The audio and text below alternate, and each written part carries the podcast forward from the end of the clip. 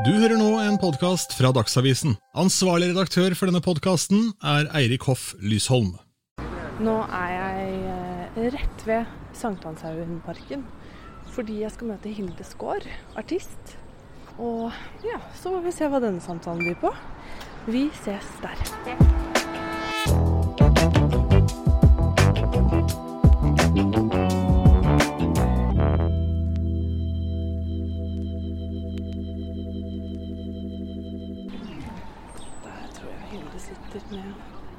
kjæresten sin. Artist Maria. Hei! Er det kjærestene? Han trekker seg rolig tilbake. Så godt å se deg. Så hyggelig. Så hyggelig. Jeg tar opp. Å oh Ja. perfekt. Ja, det er sånn jeg gjør det. Nydelig. Og det gikk han, ja. Ja, han gikk, han. Han bare gikk. Så koselig. Ja. Du, eh, hvordan går det med deg i dag? Det går veldig bra. Jeg er litt, eh, litt trøtt. Jeg kom hjem fra turné i går. Eh, og var hjemme sånn halv to. Ett, halv to på natta. Så eh, jeg er litt, litt trøtt. Ikke sant. Ja. Men eh, hvor har du vært på turné da? Er, har du vært mange steder da, eller? Eh, Det jeg- kanskje innebærer turné, at man er flere steder. Ja, vi har vært i UK, så vi har vært eh, i London. London. Ja, sjukt. Vi har vært i London. Herregud, jeg har allerede glemt det. Eh, Manchester, Glasgow og Nottingham. Dritkult. Gult. Ja, det, Kult, kult. for oss som ikke har vært på turné. Eh, hvordan er det? Altså, for det første, hva gjør man? altså, hvordan, går det sånn slag i slag? Jeg ser for meg sånn? Ja, her er en liten bro. Ja, perfekt. Bare, kan du tegne et bilde for oss som ikke um, altså, dette er faktisk min første turné, så eh, det er masse nye Jeg er veldig imponert av alt du forteller. Wow. Det er den første turneen, ja. Ja, og jeg har jo spilt liksom festivaler og sånn før, men da er det veldig sånn én festival og så hjem. Og så er det to uker, og så er det neste festival. Så det er litt sånn Nå følte jeg at jeg fikk en, kom inn i en veldig boble. Um, og da reiste vi på onsdag til London, og så spilte vi der. Og så sov vi på hotell. Alltid litt sånn shitty hotell, som er helt nydelig. Um, og så Hvorfor ikke fancy? det er dyrt. Det er Ja. veldig dyrt med turné. Ja. Det er, da er det verste med turné. Det er bare tapsprosjekt, vet du. Um, men uh, så kjørte vi en sånn van. Veldig koselig bil. Som ser litt ut som sånn uh, voldtektsmann-bil. Så noen skal komme og kidnappe deg på en måte ja, når du er barn? Ja, er- vi er farlige på turné. Um, og så kjører en til neste by, og så har en soundcheck. Så spiller en, sover, kjører til neste by. ja Og det er gøy, stressende. dritgøy. Jeg var veldig sånn Jeg hadde en veldig sånn eh, barnslig eh, glede hele turen, for jeg gleda meg i så mange år til å gjøre det. Så det ble jo bare veldig Å, skal vi sitte her? Ja, det kan vi gjøre.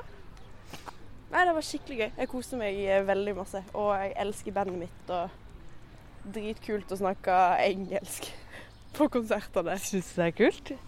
Jeg føler alltid jeg blir veldig sånn Petter Solberg hvis jeg skal snakke engelsk med noen som faktisk snakker engelsk. Ja, og da ble jeg òg.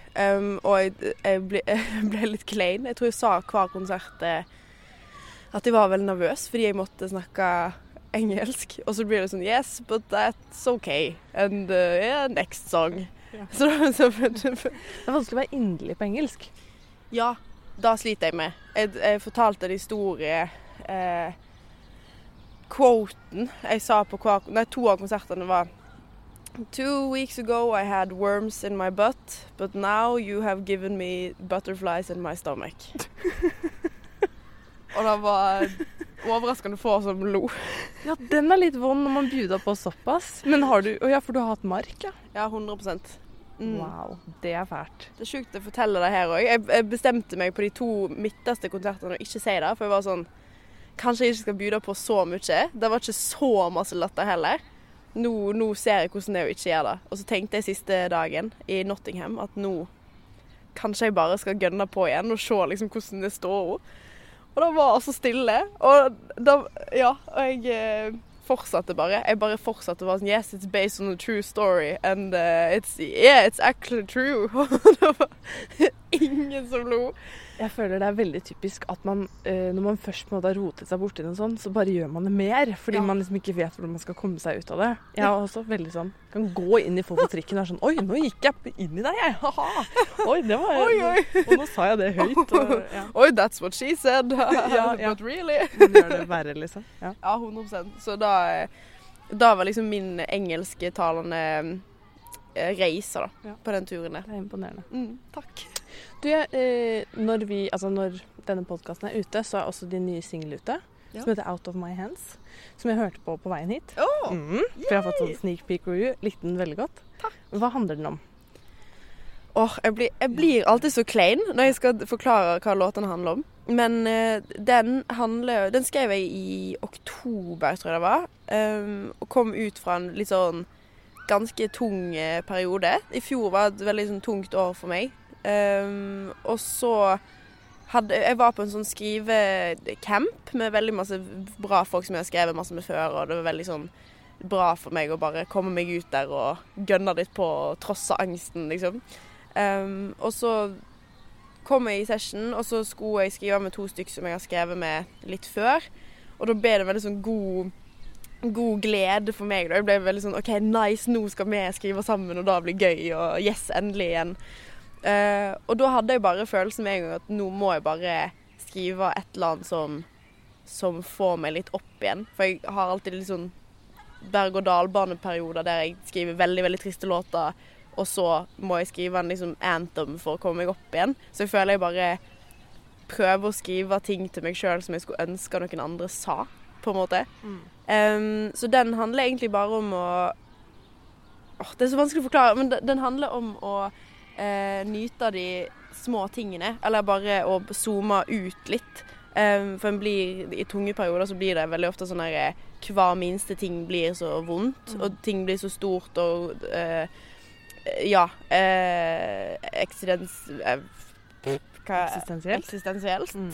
Herregud. Altså, sorry, jeg er så trøtt. Du, det går veldig fint. Ja. Jeg, jeg tolket det litt som um, Altså, nå er det utenfor min kontroll, så nå skal jeg på en måte legge det litt vekk. Ja. Og ikke la det tynge meg, liksom. Ja, og, og jeg, jeg føler òg at det hjalp veldig å si til meg sjøl at det går bra at ting er litt kjipt nå. For jeg, jeg tror jeg har hatt eh, veldig behov for å bli stressa for at jeg har vært stressa, for at jeg har vært stressa, og, og liksom um, vært så redd for at jeg alltid skal være trist, på en måte. Um, men så har jeg jo innsett at mitt hovedproblem er at jeg aldri klarer å liksom følge den tristheten helt til veis ende, på en måte. Um, og at det blir bedre når en bare liksom lar den komme ut. For følelser er jo veldig Det er jo en naturkraft, liksom. Og en, en, det er vanskelig å Det er veldig vanskelig å kjempe mot. Altså istedenfor å kjempe mot det, bare la, la det skje litt. La kroppen bestemme, og så kommer det til å gå over, liksom. Så det var veldig deilig å bare skrive den låten, og så kan jeg ta den på og minne meg sjøl på at OK, ikke overkomplisere ting. Ikke stress, liksom. Det går bra. Eh, du snakket om å liksom la følelsene komme til en. Eh, alle psykologer sier at man skal kjenne på følelsene. Det er en kjent greie. Og så er det sånn, hvordan gjør man det? Og så leste jeg eh, om en teknikk da, som er sånn at man bare skal på en måte skru av Eller man skal være veldig bevisst på at man ikke tenker. Fordi Mm. veldig ofte når man føler ting, så begynner man å eh, verbalisere Ja. dem inni hodet sitt. Eh, og så bare fysisk faktisk prøve å kjenne på dem. Og det har jeg prøvd. Og det sånn bølge gjennom kroppen, og så bare gikk det vekk, liksom. Så det du sa med naturkraft Shit! ja, Nå hørtes jeg litt sånn Nei, men hvordan, hvordan gjorde du Dette vil jeg lære meg. Ja. hvordan gjorde du hvordan, For jeg, jeg klarer ikke å skru av hjernen. mm. Det blir bare så sjukt sånn det, Alle ting skjer samtidig, og alt er, blir så stort. Mm. Hvordan lar en bare hjernen skru seg av og bare øh. Jo mer man fokuserer på den følelsen man har inni kroppen, altså hvor er den, sitter den i brystet f.eks., mm. og så prøve å liksom puste inn i den følelsen, og så liksom på den måten gå litt vekk fra de ordene som eventuelt ligger oppi hjernen. Da. Jeg er i Ja. hvert fall sånn som har veldig mange sånne At det er som om det er noen som prater inni hodet mitt, hvis det Ja. en mening, eller at man har veldig mye sånn verbale tanker, Ja. og så heller eh, prøve å legge all fokuset på alle følelsene. Nå blir dette en terapi. Jeg liker det. Jeg syns det var veldig fint. Og så, så kjenner jeg meg veldig igjen i den at det, en føler det jo veldig fysisk. Jeg har hatt òg de siste årene veldig Som jeg har innsett nå det siste, da. Som er veldig deilig, og jeg tror på en måte gjør at jeg har det bedre nå. At eh, jeg innså at jeg eh, Jeg hadde en følelse veldig lenge i sånn opp og ned-perioder der det føltes ut som jeg bare ikke fikk puste. At jeg aldri fikk liksom pusten skikkelig godt ned i magen. Um, og så husker jeg for noen år siden så trodde jeg det var, jeg trodde det var noe galt med kroppen min. At jeg eh, hadde astma eller et eller annet sånt. Og så gikk jeg på utredning og fikk astmamedisin, men alle testene sa jo at jeg ikke hadde det. Um, og så og det var ingen som sa til meg at det kunne jo være psykisk, liksom. Um, og så har jeg gått psykolog nå i snart et år, og innså da sånn i Oi, det var en veps. Uff. um, innså da i typ januar at å ja, men det er jo Jeg kan si høyt hva jeg føler på, for jeg trodde ikke jeg kunne si det. Det var, det føltes som en sånn rar hemmelighet. Så var det bare at det, det pressa sånn skikkelig hardt på brystet. Og det var derfor jeg følte jeg ikke fikk puste. Og da er jo en på en måte angst, eh, stress, eh, tristhetsfølelse. Um, så, så jeg forstår veldig godt at da, da setter seg i kroppen, liksom. Mm. Fysisk. Man tror ikke det. Man snakker jo veldig lite om det. Hvordan, ja. Jeg har hatt kjærlighetssorg hvor jeg hadde sånn Ja. eh, Hvor jeg trodde jeg fikk hjerteinfarkt hver tredje dag. For jeg fikk sånn hele brystkassen min bare låste seg, så det føltes som noen stakk meg med kniv. Det var eh, kjærlighetssorg, ja. Hva gjorde du? Gikk du til legen da? Jeg var masse hos legen. Ja. Så sa jeg skulle ta Paracet, og jeg bare skjønner du ingenting. Jeg hadde ikke ringt ambulansen hvis jeg trengte Paracet. Men da viste det seg at det var eh, liksom spenninger og sånn i kroppen fordi man var lei seg. Men du sa journalisten i meg, vet du, eh, når du sa at uh, i fjor var et dårlig år. Mm. Kan du si noe om det? Ja, det er vanskelig å si når en på en måte fortsatt er litt midt opp- oppi det. Nå føler jeg uh, at i de siste ukene eller siste måneden så har det løsna veldig for meg. Um, og så går jo ting opp og ned, da, men jeg, jeg tror eh, Nei, korona var et vanskelig Det var to veldig vanskelige år um, som jeg jeg fikk det ikke som en sånn rask reaksjon. Jeg tror for meg så bare gikk det veldig sånn sakte, men sikkert opp for meg at dette er litt vanskelig, liksom. Um, og det handler jo både om at jeg ikke fikk gjøre de tingene jeg hadde planlagt i mange år i forhold til karrieren, og eh, skulle liksom ut og turnere og hadde liksom jobba så hardt og bygd opp for at det skulle skje, og så skjedde ikke det, og jeg holdt liksom håpet oppe så lenge om at eh, ja, men dette varer bare i to uker, sånn som alle tenkte, liksom. Um, og så måtte jeg flytte hjem og jobbe i hjemmesykepleien på Stord. Som var veldig fint, men det var òg Det var jo ikke sånn jeg tenkte at det skulle bli. Um, og det var veldig ensomt. Uh, ensom følelse og var redd for at ting aldri skulle bli sånn som det var. Nei, det var bare veldig sånn psykisk eh, påkjenning. Og um, jeg tror ikke jeg har innsett da før typ i høst at, at den, eh, den perioden der gikk så inn på meg. Og jeg tror det er mange andre som følte på det òg, da.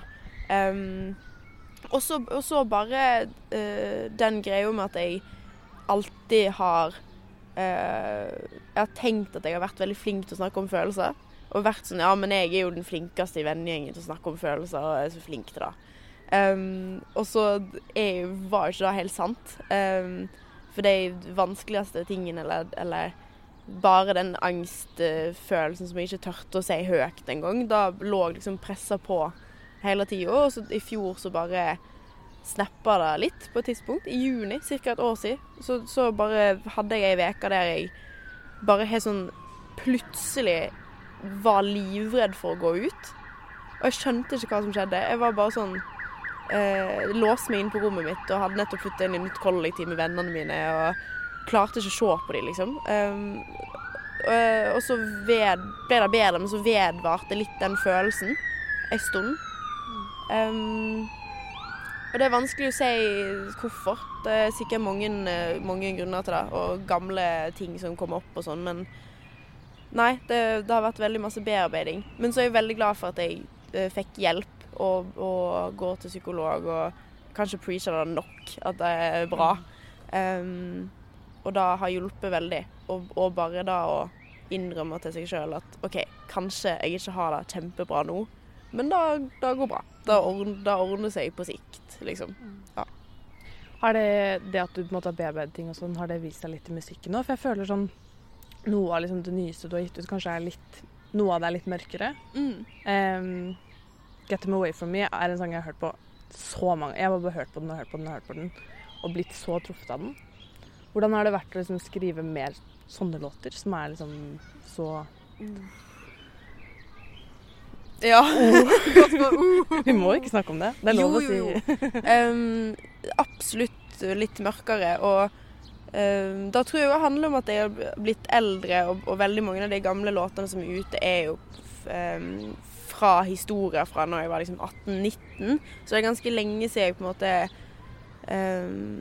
Ja, de gamle låtene er på en måte blitt så gamle nå. og det er jo masse ting som skjer når en er 18-19 òg, men, men uh, jeg føler alvoret kommer litt når du flytter ut og, og ting skjer, og en må bli voksen og Ja, jeg, jeg, jeg, tror jo den perioden i fjor og året før har veldig liksom satt sitt preg på låtene jeg skriver nå, og jeg føler nesten jeg blir litt sånn eh, ikke tvangstanker, men jeg blir litt sånn jeg, jeg, må skrive om noe som betyr noe nå, på en måte. Mm. Um, som jeg òg prøver å løsne litt opp i. At jeg det trenger ikke være så alvorlig eller seriøst, men, men, jeg har hatt veldig behov for å, å, sette ord på ting som jeg faktisk trenger å sette ord på. Jeg tror Før så har jeg tenkt at jeg må, jeg må, skrive en sånn sang, eller jeg må skrive om kjærlighetssorg, eller, eller um, Men det har vært deilig òg å, å, Ja, å gå til psykolog en gang i uka, for da snakker du jo bare om dine indre følelser. Og jeg føler etter hver time så har jeg hatt en ny låt, på en måte. Um, fordi hun hjelper meg til å sette ord på ting, og plutselig så sier hun en ting som er sånn Oi, da var en veldig fin Så jeg føler nesten hun burde få sånn songwriting-credit. Å, oh, shit. Hva har det vært den vanskeligste låta å skrive, da? Eller lage? Um, vanskelig som i at det, var, det, tok litt tid, eller vanskelig Jeg tenkte følelsesmessig, ja. da, siden vi snakket om dette litt mørkere materien, liksom. Jeg tror jo på en måte 'Get Them Away From Me' er en av de vanskeligste. Men um, så er det jo et par låter på albumet som kommer nå òg, som er ja, kanskje enda vanskeligere, som uh, uh, Som blir det, det, blir veldig vondt å, mm. å skrive, og spesielt når en skriver med med andre som er blitt, en er blitt veldig close med. Um, jeg, har, jeg, skriver med ei i Stockholm som jeg har skrevet nesten alle tingene mine med. Kjent siden jeg var 18-19 år. Um, og meg og hun har blitt veldig gode venner, og hun har vært en slags sånn guru for meg når det gjelder psykisk helse og bare hvordan en skal ta vare på seg sjøl, og utrolig flink til å sette ord på ting. Um, og vi skrev en låt i høst som jeg tror er den tyngste låten jeg har skrevet. Eh, og vi bare grein hele dagen. Og det ble skikkelig fint. Og så endte vi opp eh, på slutten av dagen bestilte vi Max burger og det var sånn Ja ja, OK. kan du si hva den handler om, eller? Ja, kanskje ikke. Den, den, er litt vanskelig å snakke om, faktisk. Men ja. eh, jeg, tror han, jeg tror jeg skal slippe den. Mm. Jeg er litt usikker. Ja, Du er usikker på om du tør? Ja, jeg er litt usikker på om jeg tør. Men jeg, eh, den, er, den er tung, men veldig fin. Ja. Mm. ja. Men sånn er det jo da når man skriver låter, og så Det er jo ikke sånn at um, folk har krav på å vite akkurat hva ting handler om Nei. personlig for artisten, da. Selv om man ofte kan bli litt sånn Eller jeg kan bli veldig ja. nysgjerrig. Taylor Swift er et godt eksempel på dette. Ja. Fordi, for de som ikke vet, så, så er det jo mange liksom ofte veldig sånn tydelige henvisninger til ting ja. som man kan tolke at det er en historie om noen hun har vært sammen med. Ja. Og så blir man veldig opptatt av å liksom finne alle klusene. Mm. Og det er jo litt gøy også. Jeg føler jo at hun også gjør det med vilje, sånn ja. at fansen kan sitte og liksom skjønne ting. Men igjen. Ja, jeg elsker, elsker Taylor Swift. Og jeg har tenkt masse på det, hørt på låtene bare da det handler om han der eh, fra Marvel-universet, det er jeg helt sikker på. Eller bare sånn tenke på Alexander hennes og bare Å, fy faen, du er clever. Det beste er jo hun har vært sammen med John Mayer og skrevet en låt som heter Dear John. Det er ganske Ja. ballsy. Det er ballsy, og det er så Det, det, det hadde vært sjukt hvis det ikke var han. Da hadde vært en bra ironi, syns Ja, jeg. ja, det er sant. Det er en annen John. ja. Men eh, apropos liksom eh, det, eller ikke John Mayer, men eh, du har jo en musikkjæreste som vi så så vidt i stad. Har vi lov å snakke om han? Som plutselig bare sprang vekk. ja. Ja da. ja da. Ja Det er ikke favorittemaet ditt, det så jeg på Du bare Ja, du kan stille meg spørsmål om kjærlighetslivet mitt. Nei, jeg, jeg, jeg, ble, jeg lurer litt på åssen det er å være sammen med en annen artist. Ja. Eh, hvordan er det? Jeg, jeg, har ikke tenkt så mye på det. Det presten heter han Hva heter han til, på ekte? Det har jeg glemt. Han heter Bjarte. Han heter Bjarte. Men jeg sier det rart. Ja, fordi jeg, Bjarte. jeg sier Bjarte, mens han sier Bjarte. Og østlendinger Bjarte. Så det er liksom Vær så god, folk. nå, nå har jeg sagt hvordan en sier det navnet på forskjellige dialekter. Um, du, det er skikkelig, skikkelig fint. Og jeg tror um, det funker veldig bra fordi vi har altså selvfølgelig en helt lik jobb å relatere til hverandre. Um, men så har vi jo veldig Vi er veldig like på mange ting i forhold til kommunikasjon og uh, litt sånn store følelser begge to. Og uh, det gjør jo at det av og til kan bli litt sånn Begge to kan føle veldig sterkt om noe, men så er vi veldig flinke til å kommunisere, syns jeg. Um, så Nei, jeg syns det funker skikkelig bra. Og nå har jeg vært på turné ei uke, og da er det òg deilig at han forstår det, og at kommunikasjonen eh, er sånn som han er fordi vi har begge vært i de rollene, da. Så en føler ikke så mye på at det er sånn Å nei, nå må jeg gjøre sånn, eller nå er jeg vekke. Um, og det er litt innforstått hva det innebærer også. Han Ja. vet sikkert hvor slitsomt det er. ja. Ja. Så en har, han, en har veldig forståelse for hverandre, og dermed blir, blir en veldig sånn raus. Så jeg syns det er helt fantastisk å være sammen med han. Men har dere vært på sånn rød løper og sånn? Åssen fikser du det? Ja, vi var på Vi var på rød løper. Hva var det? P3 Gull, tror jeg. Og da var veldig Det var veldig koselig. Det var veldig fordi at jeg syns det er så sjukt kleint å stå på rød løper og være sånn Nå skal folk ta bilde av meg, og nå skal jeg gå over her, og hvem vet hvem jeg er? Hallo. Det, det er veldig For meg så føles det helt merkelig. Men han er så sjukt flink på sånt. Han er så, han er så jovial eh, bergenser. Så han eh, bare liksom gleder meg rundt og bare 'Disse vil nok snakke med deg nå', og følte han var skikkelig sånn der eh, Pressekontakt. nesten. ja, skikkelig pressekontakt. Dritflink. Sjukt jovial. Det, jeg skal ta han med neste gang òg.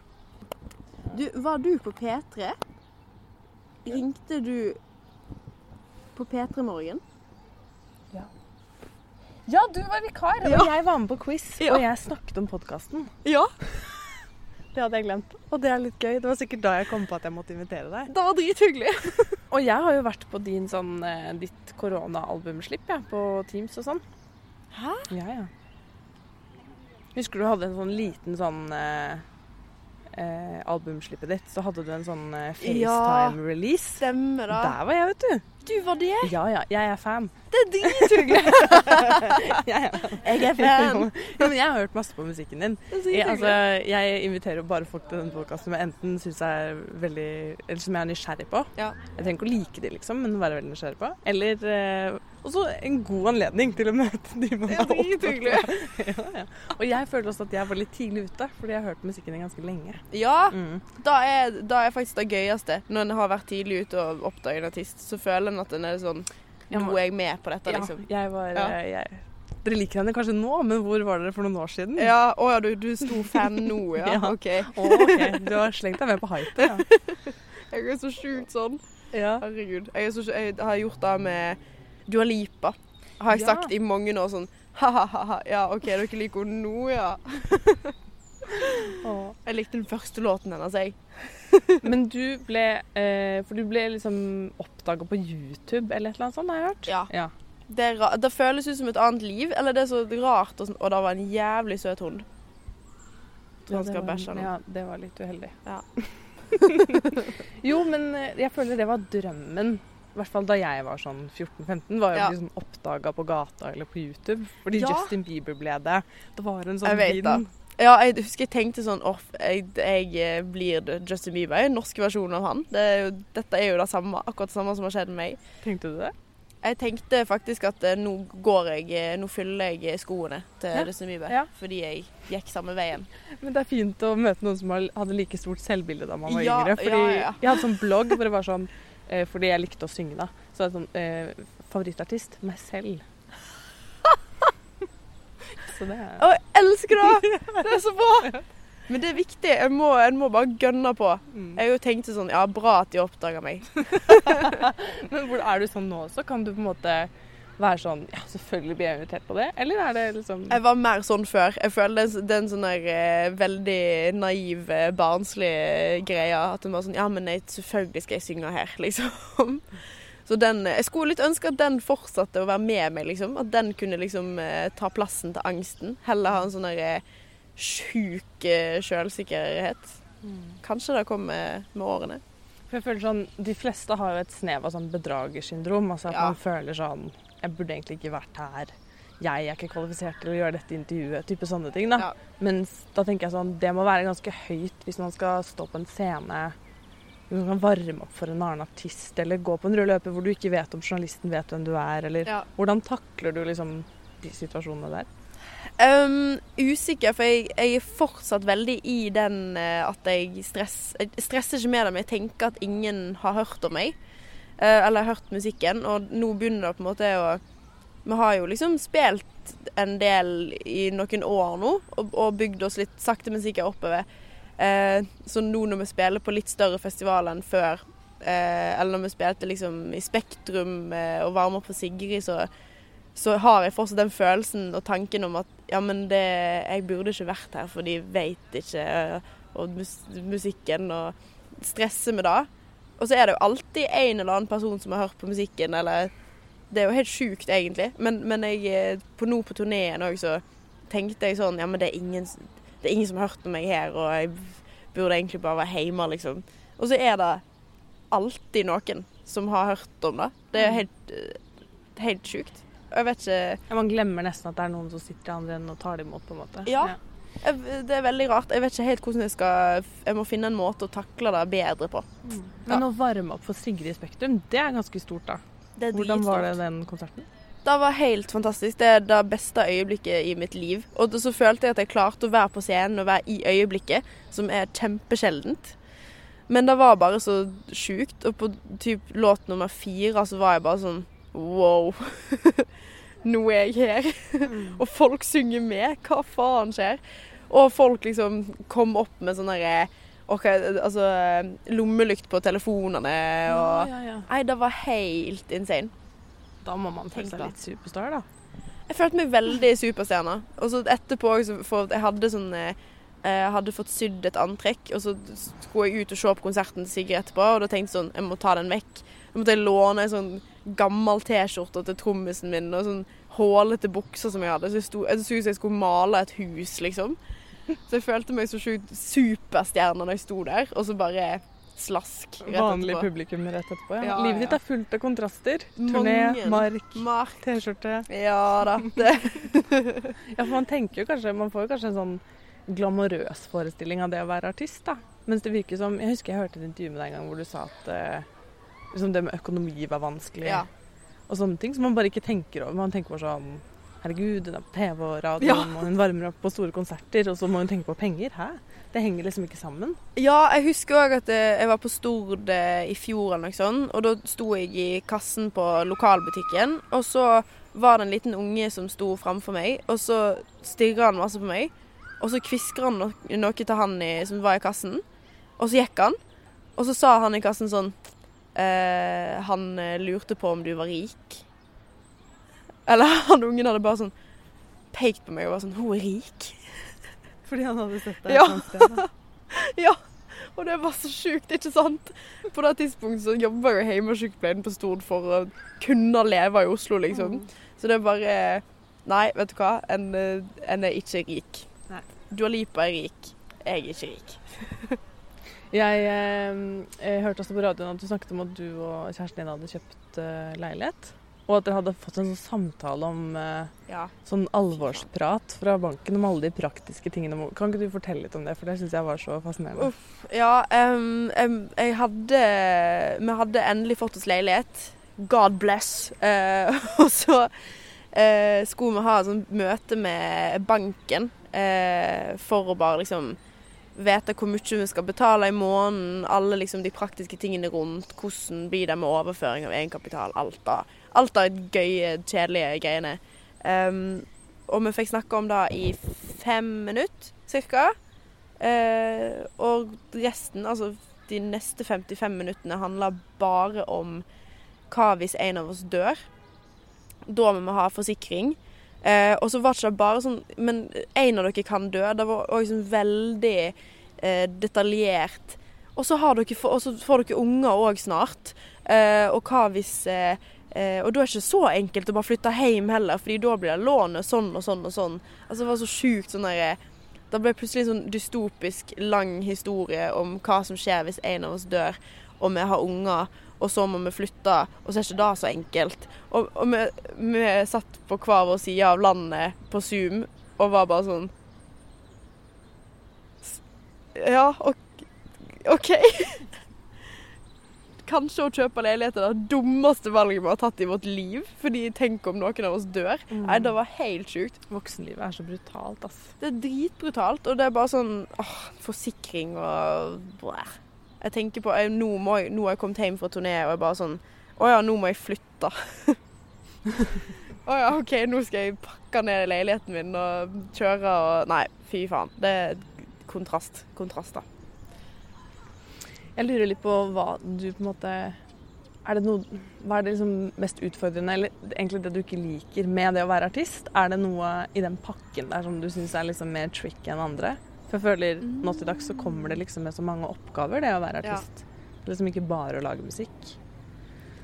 Det er absolutt ting jeg ikke liker så godt. Jeg elsker jo Jeg skriver jo musikken min sjøl, og jeg syns på en måte å skrive og være med og prodde og, og, hele den prosessen er fantastisk.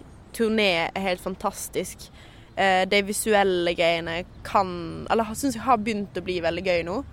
Um, men jeg syns f.eks. regnskap Det er ingen som fortalte meg hvor masse regnskap jeg måtte gjøre. Altså, jeg, nå driver jeg liksom Nå har jeg starta AS og er sjef i det AS-et. Jeg kan ingenting. Og det er så surrealistisk. Jeg må drive med regnskap og masse møte om regnskap og masse møte om strategi i forhold til regnskap. Og jeg bare er så dårlig med tall. Jeg husker ikke Jeg kan ingenting om tall.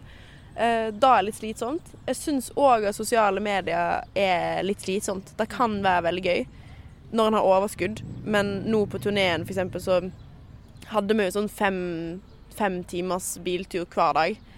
Um, og da satt jeg og bare gjorde sosiale medier og promotering og alt da. Og det er veldig slitsomt å på en måte jobbe fra klokka seks om morgenen til da, og så jobbe utover hele dagen, og så konsert på kvelden, og så legger du deg tolv, liksom. Mm. Det er veldig Ja, den sosiale mediebiten syns jeg kan være veldig slitsomt. Og det er veldig mye. En føler seg som et mediehus, på en måte. Ja. Jeg misunner også iblant folk som bare kan ha liksom, en lukket Facebook-profil uten bilde. At man ikke har en jobb hvor man på en måte burde ja. være til stede, da. Men TikTok og sånn, da. Det er jo Har du Jeg leste akkurat om Halsey, hun artisten, oh, ja. som eh, ble hadde blitt pusha av plateselskapet sitt til å lage en månedslang TikTok-kampanje ja. før hun fikk lov å slippe låta si. Eh, har du noen tanker om de greiene der med markedsføring og TikTok? og Det har jo blitt litt sånn store greia. Og kanskje gått fra å være ganske autentisk til mm. å bli ganske sånn ikke-autentisk og planlagt, da. Ja, jeg, jeg, har veldig mange tanker om det. Jeg, jeg ser jo Jeg har jo promotert musikken min på TikTok bare fordi Eh, det er en så stor plattform, og jeg syns de er flink, mye flinkere enn Instagram til å øh, ja, få fram musikk, for det er så musikkfokus. Som jeg syns er veldig kult med den appen. Eh, som gjør at det, liksom, det, det, er på en måte flere muligheter der enn med andre plattformer. Um, men jeg syns òg at det kan være vanskelig og, fordi det tar så mye tid. Og den der greia med at jeg har sett f.eks. Charlie Puth eh, som la ut den låten som heter Light Switch. Og så drev han og promoterte den låten i, i ett år, der han liksom lagde en video der han var sånn What if there's a sound that goes like boop, boop, boop, boop, boop, boop, boop, Og så lager han liksom den låten der i TikToken. Og så har han sånn sjukt sånn dårlig acting og bare And then I need like a crazy sound effect. Oh my god, you guys. This is actually really cool. Og så, og så later han som om Han kommer på det der og da. Ja, no, Og lik denne her for at jeg skal gjøre den ferdig. Og så er det bare sånn Selvfølgelig er denne låten ferdig for lengst, og plateselskapet ditt hadde aldri latt deg gjøre dette. Eller bare sånn Jeg syns da blir teit og kleint. Selv om den låten er veldig bra. Men, men Ja, den eh, er fengende. Veldig fengende. Ja, dritbra låt. Så da skal du ha Charlie Booth. Men, eh, men jeg liker TikTok når en er seg sjøl. Jeg syns det er litt voldsomt av og til med at han skal promotere så jævlig hardt. Mm. Um, Men Ja. det har jo nesten snudd litt òg, fordi at før så føler jeg at det var mer sånn glossy promotering, mens nå er det som måtte treffe folk veldig ofte at man kanskje legger ut en video i T-skjorta uten sminke ved piano, hvor Ja. man bare spiller en del av en låt, og så At man treffer folk ved å på en måte være veldig sånn sårbar, da. Og jeg Ja. tenker også at det kan være litt sånn overveldende som artist å komme inn, og at det blir et slags krav om at man skal ikke bare være liksom score, men være liksom Hilde. Og Ja. at du skal på en måte treffe folk med ja, At kanskje det skillet mellom hvem du er som artist, hvem du er som person, viskes litt ut hvis man skal være veldig til stede på sosiale medier. da. Ja, det er veldig sant. Og da, da tror jeg kan være veldig vanskelig for veldig mange. Og jeg, jeg kjenner jo av og til òg at det kan være utfordrende, men samtidig så, så føler jeg at jeg har eh, Jeg har i hvert fall veldig behov for å være bare være meg eh, når jeg skal promotere ting eller være i intervju eller legge ting ut på Instagram eller TikTok, så, så føler jeg at det hadde vært så utrolig slitsomt og krevd så mye av meg hvis jeg skulle liksom ha en eh, artistpersonlighet, liksom.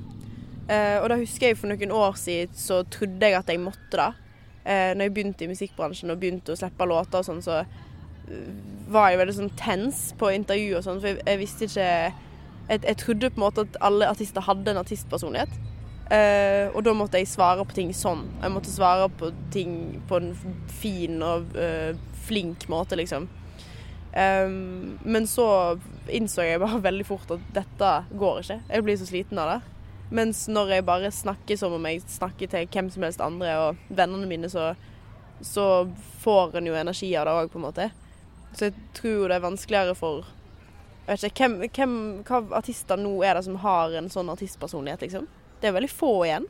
The Weekend. The Weekend. Jeg ser for meg han blir veldig sliten på ja, TikTok. fordi han skal jo være en sånn Han har lagd en sånn helt stilisert karakter, han. Hvor det karakteren lever sitt eget liv. På en eller annen måte virker det også litt digg. For det er flere artister som Balenciaga, f.eks., den uh, boyband-gruppa som Ja. er så populær blant kidsa nå. Yes. De er jo også sånn De fjerner seg jo fra å måtte være personlige, fordi Ja. de liksom er bare de guttene i de maskene. Og så Ja. kan de liksom trenger de liksom ikke å forsvare det i et intervju, eller fordi Ja. de er anonyme, liksom. Ja. Og samme hvis du Ja, Sia, for eksempel, da, som har stått øh, hva skal man si, baklengs. Baklengs. brukte lang tid på å vise ansiktet sitt. Ja. Mange rett og slett bare fjerner seg helt fra den offentlige rollen. Men hva slags norske artister Jeg opplever vel at det er noen artister som er mer sånn eh, Hva Ja. skal man si? Eh, mystiske enn andre, og Ja. som kanskje bjuda mindre på. Du bjuda jo veldig på når du sier at du har hatt marker. det er ikke veldig diva, det. Det er ikke så veldig diva, nei. Nei, det er, det er jo bjuda på. Men jeg, det, jeg vet ikke hvorfor jeg sier de tingene. Jo, men, eh, det er jo en måte å få lov til å være seg selv på, da. At man Ja. slipper å Og at man kanskje bryter ned litt en forestilling om Ja. at her kommer jeg og er artist, og at man drar det litt ned, da kanskje. Jeg liker å spille på svakhetene mine, for da er ikke det, du er ikke så redd for at folk skal Du er ikke så redd for at folk skal liksom eh, buste deg i å ha svakheter. Og da syns jeg er veldig digg. Å bare si det med en gang på en konsert, eller bare sånn Jeg er redd for å bæsje på meg, og jeg har hvite bukser på meg. Eller bare sånn et eller annet sånn. Jeg tror jeg sa det en gang. Jeg er litt usikker. Men bare sånn utrolig teite ting. For da føler jeg det blir sånn Isen blir liksom brutt. Og det blir ikke så Jeg blir ikke så stressa over at den må være perfekt, på en måte. Mm. Så jeg pusher meg sjøl alltid til å bare si sånne ting, for da da trenger jeg ikke stresse med det. Da er det bare ute der. Okay. Har du opplevd å bli liksom prakka på av liksom et team? Hvordan du burde være, hva du burde ha på deg? Mm, nei. egentlig ikke så veldig. Jeg husker i begynnelsen, når jeg ble signert Det er jo ganske mange Altså, da var jeg 17-18 år. Da var det kanskje litt mer sånn Da visste jo ikke jeg helt sjøl heller hva jeg ville. Så da prøvde på en måte folk å være litt sånn Kanskje du skal synge sånn? Kanskje du skal ha disse typer låtene? Kanskje du skal uh, kle deg sånn, og bildene er sånn? Um, og da er det nok mer fordi jeg ikke visste hva jeg ville, på en måte. Um, men så tror jeg òg at jeg på et tidspunkt tok veldig kontrollen over spesielt alt av visuelle, fordi jeg hadde så behov for at jeg ikke skulle være så Jeg klarte ikke at det skulle være så glossy hele tida. Mm. Og sånne store fotoshooter der en skal liksom bli sminka masse og det er veldig masse fokus på at en skal se, se bra ut, og at det skal være perfekt.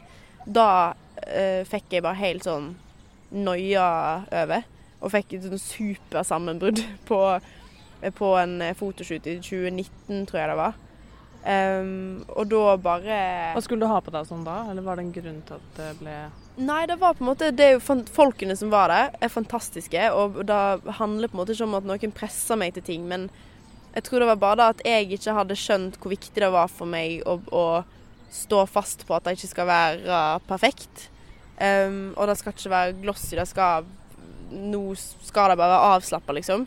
Og jeg ble så stressa av at nå skal det være den standarden, fordi alle andre tar de bildene, så da må vi òg gjøre det.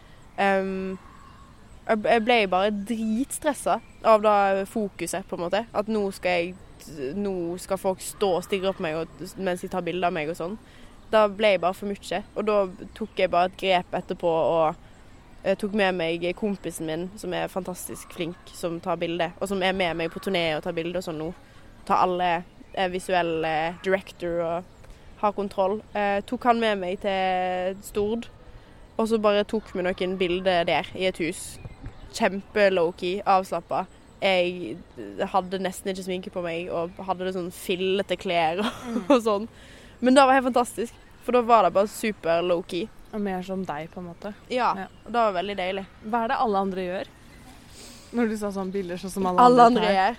Eller hva er det som er sånn typisk? Jeg tror et, øh, Kanskje bare da at øh, en skal være så sjukt fin, på en måte. Og kul. Og, og at en skal være litt sånn Eh, nå skal den se veldig mystisk ut, på en måte. Og, og nå skal oppsettet være sånn, og de klærne der. Og jeg husker jeg ble, følte jeg ble prakka på veldig masse klær som jeg ikke likte. Og veldig masse sånn eh, Du må ha ringer på deg, og smykke og, og bukser som går sånn, og de fargene der, og da der er jo litt kult. Og så følte jeg at jeg ikke klarte å si nei. Mm. Uh, og jeg har jo aldri hatt på meg en eneste ring i mitt liv. Så det er liksom Hvorfor skal jeg ha det på et bilde, da? På en mm. måte. Nå kom det veldig masse duer. Det kom masse duer. Men jeg lurer på hva som hvorfor. Det var nesten litt apolyptisk. Ja. For jeg bare så en sånn gjeng med duer. Men du, hva er det som Vi skal runde snart av, men uh, hva er det som er det neste for deg, liksom? Har du noen mål nå framover, eller noe du har lyst til å få til, eller hva er fokuset, liksom? Um, nå framover skal jeg spille, spille ganske masse i år. Så det blir spille allerede på lørdag på Neon i Trondheim. Som jeg gleder meg veldig masse til. Mm. Um, og bare masse konserter. Jeg skal flytte inn i ny leilighet som blir veldig deilig. Kult. Um, og så skal jeg skrive masse, masse musikk og gjøre ferdig albumet mitt. Um, og da blir skikkelig, skikkelig bra. Og så håper jeg at eh, folk liker musikken som kommer ut Eh, ja, håper den liksom når, når til folk der ute. Mm. Og eh, gleder meg til enda mer spilling i utlandet i høst. Ja. Det blir gøy. Spennende. Mm. Du, tusen takk for et veldig hyggelig møte. Takk for at jeg fikk komme.